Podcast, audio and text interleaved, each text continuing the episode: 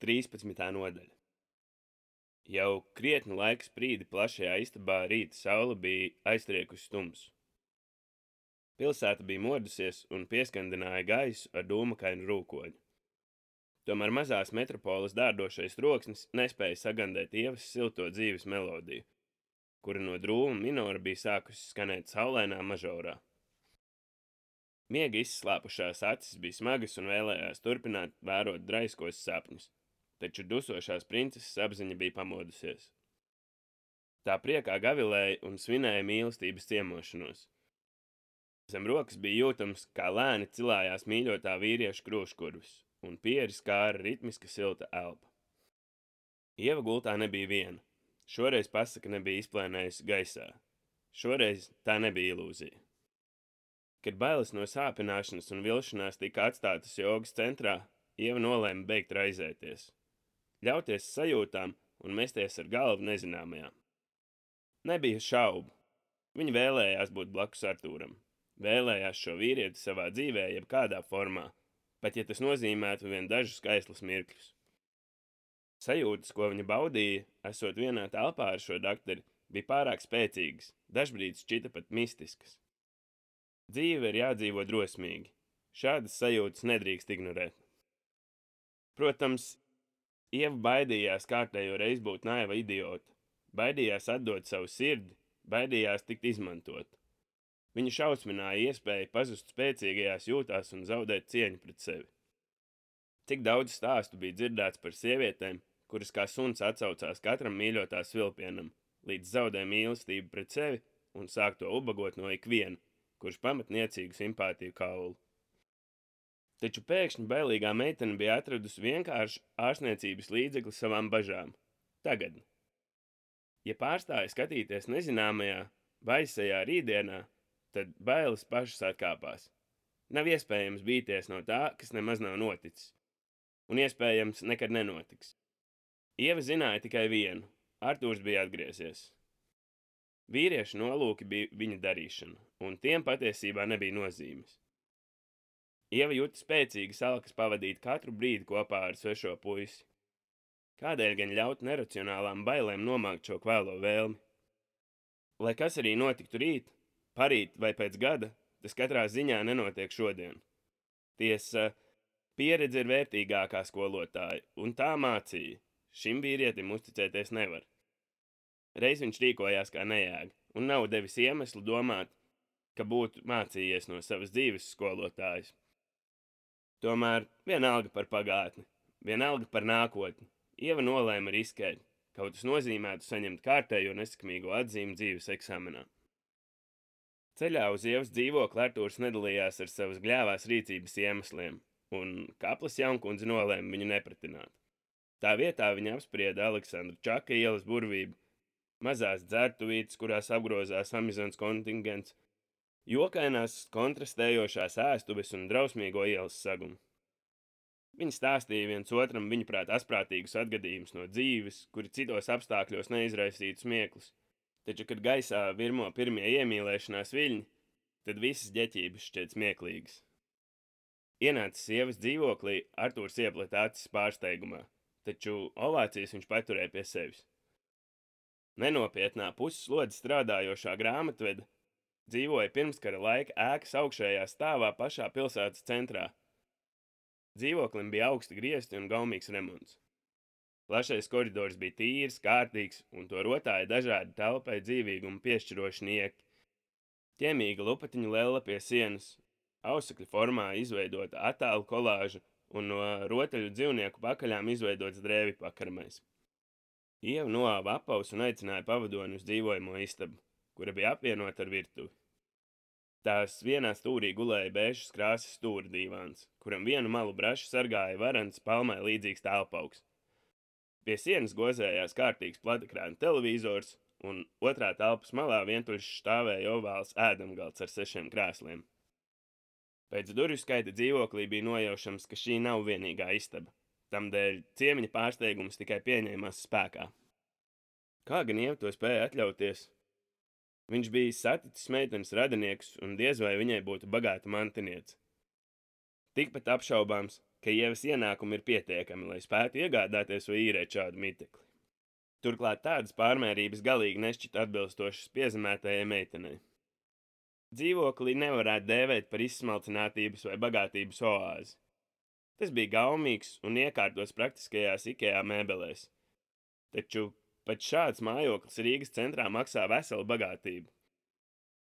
Visu ceļu māju Ieva bija gana laipna, lai neuzbēstos ar privātas dabas jautājumiem, tāpēc arī Artūrs nolēma nepretināt draudzeni. Vismaz pagaidām ne. Tā vietā viņš sekoja namamātes paraugam, noāva apaus un iesoļoja plašajā viesistabā. Satraukumā par iekārojumā vīrieša klātbūtni viņas mājvietā Ieva aizmirsa paskaidrot, ka plašais miteklis tiek dalīts vēl ar divām skaistulēm. Kā ierasts, Viņa neplānoja uzkavēties kopīgajā īrnieču telpā, lai ziņkārīgās kaimiņienes pieķertu ievu ar iepriekš neredzētu vīrieti. Ieva gana ātri pagatavoja siltus dzērienus sev un viesim, kurš bija paspējis iekārtoties uz dīvāna un klusi vēroja dzīvokli. Ieva turot dzērienu krūzes rokās aicināja Artūru uz guļamistabu, pat nenojaušot, cik šāds aicinājums viņam izklausījās pārsteidzošs. Tāpēc arī radās neliels pārpratums, un viņi pārāk ātri bija kaili sajūta viens otru silto miesu, izbaudīja savstarpējus glāstus un sasniedza baudas virsotnes. Artūrs pārliecināts, ka aicinājums ir izteikts spēcīgas seksuālās iekāras dzīves, ienākdams istabā un ļaudams sievai nolikt uz galda karstās krūzes, piesteidzās pie skaistās sievietes un sāka viņu skūpstīt. Ieva bija pārsteigta, pat šokēta par ārsta negaidīto jūtu izpausmi, Tomēr viņa nespēja un nevēlēja pretoties. Viņa aizmirsa plānu mierīgi papļāpāt pie tējas krūzes un tikpat kaislīgi atbildēja mīļotā glāstiem. Tagad, guļot blakus kaislīgajam mīlniekam, viņa jūta svaigu rīta uzbudinājumu. Lai gan acīs vēl bija miegs un viss ķermenis vēlējās turpināt atpūsties, tomēr siltums gurnos vēlējās vēlreiz just Artūru vīrietību. Man kut, Artūra roka apturēja ievas pirkstus, kuri sievietei pašai nemanot bija sākuši lēnām glāstīt vīriešu krūškurvi. Vai, piedod! Miegainais pazīstamais baritons atmodināja ievu no pusmiega stāvokļa, un viņa atvēra acis. Baigos iezagās sārtais tonis, viņas draiskās sajūtas bija sevi nodevušas. Labrīt! Noņurdēja mīlnieks un pagriezās pret ievu. Viņš uzspieda skūpstu ievas kakla bedrītei, atspiežamies uz elkoņiem, lēnām uzgūlās draiskulē, noskūpstīja sievietes kaklu otrā pusē un lēnām slidināja skūpstus lejup gar plecu. Ieva caurstrāvoja kaislas tirpas, un jūtot vīriešu piebriedušo locekli, viņas gurni augstoši pasniedzās tam pretī. Varbūt vispirms iedzersim tēju? Iekārdinātā meitene tielējās. Domāju, ka tēja sen jau atdzisusi. Artūrs atbildēja un piepildīja ievas rīta alkas. Kad jaunie draiskuļi beidza meņģēties pa gultu, ieva kautri centās izlīst no gultas.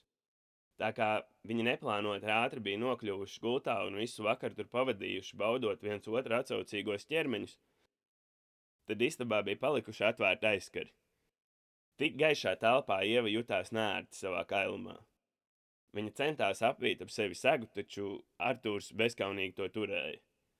Neliedz man to prieku. Viņš aicināja draudzeni atrādīt savu brīnišķīgo augumu. Atdod sagu, es kautrējos. Ieva atzinās. No kā? Tu neesi mani redzējis kailu. Tu joko. Tas neskaitās. Guļas stāvoklī ķermenis izskatās labāk. No kurienes tev tādi kompleksi? Artūrs pieslīdēja pie ievas muguras noskūpstīja viņas kamies un atņēma sievietes cītīgi izcīnīto segu. Esmu bāla rudmata, kuras ķermeni klāja vasaras raibumi. Tas ir tavs trumpis, nevis trūkums. Turklāt, es esmu latvieta, mums asinīs rīt kompleksi. Tad es neesmu īstenis latvietis. Tādā gadījumā ej tu pagatavo brokastis. Vēl brīdi sekoja vārdu apmaiņa, bet Galu galā ieva izkāpa no gultas. Savas dvēseles dziļumos viņa sameklēja drosmes kripatus, kuras apkopoja un lepni nostājās sava mīļākā priekšā. Viņa ielika rokas sānos un pārspīlēti lepni uzslēja debesīs zodu. Tad smiedamās par paveikto viņa sāka kustēties pa istabu meklējot drēbes. Artūrs varēja brīvi novērtēt savu vakara ieguvumu sievišķīgo ķermeni. Ievai bija izteikti apaļīgi gurni un šaura ķermeņa augšdaļa. Peldētāji no viņas nesanāktu. Izcilību mīlošie sievietes aprises atzītu par apaļīgām, tomēr vairums viņu dēvētu par izteikti sievišķīgu. Kad prieku par skaistā ķermeņa vērošanu nolaupīja frotē rīta svārki, arī Artūrs saņēmās izkāpt no gultas un apāvis vien bikses sekoja draudzenei uz virtuvi. Tev ir iespaidīga māvieta. Artūrs vairs nespēja noturēt pie sevis komentārus par draudzenes dzīvesvietu. Mirklis, kad ieva ģērbusies rīta svārkos pie plīts, gatavoja saldās maizītes, šķita piemērots meitenes iepazīšanai. Paldies! Es mīlu šo dzīvokli, tāpēc arī neesmu spējis no tā atteikties. Pat laikā, kad dzīvoju kopā ar Viktoru, turpināju maksāt īri. Pārsteigts par draudzenes izšķērdību, Artūrs grasījās vaicāt viņas algas apmēru, taču tika pārtraukts.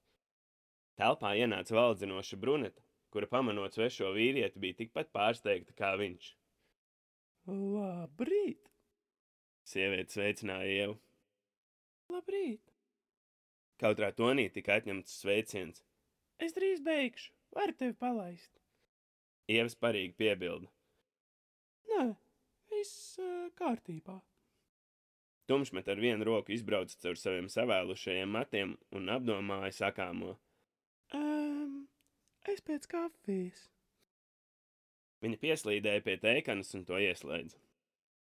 Sievietei piemita savdabīgs skaistums, tāds, kas izslavēts franču daļavām.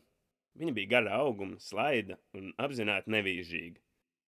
Garie mati bija pārmesti uz vienu pusi, atsedzot slaido kaklu, un zaļās acis ieskāva garas tumšas skropstas. Valdzinošā būtne iesoļoja kopīgajā telpā ģērbusies vien roķīgā tēkraklā, kas nenosedza pat viņas sēžu, taču uzrakstus tā bravūrīgi paziņoja.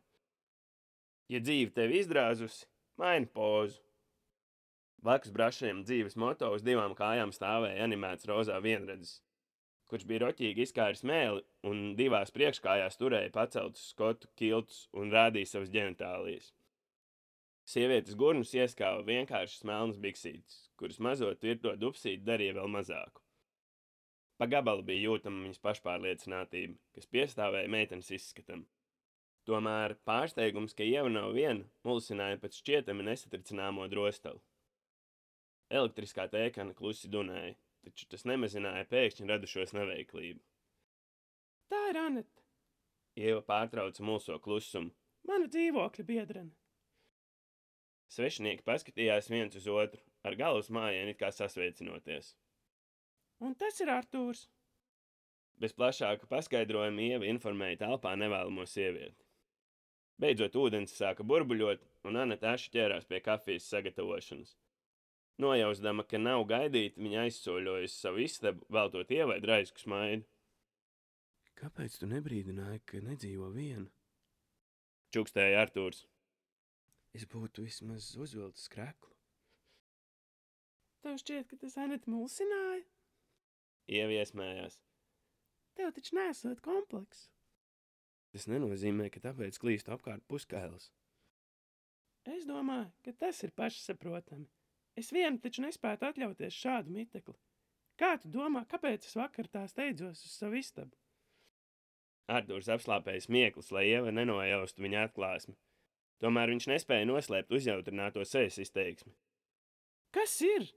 Ieva ievērojas Artūra reakciju, vaicāja. Es nodomāju, ka tu vienkārši ļoti vēlēsies man pārgulēt. Viņš atzinās. Ieva izplūda smieklos, un arī Artūrs ļāva tiem vaļu. Kurš? Sabīna iespējams vēl guļ.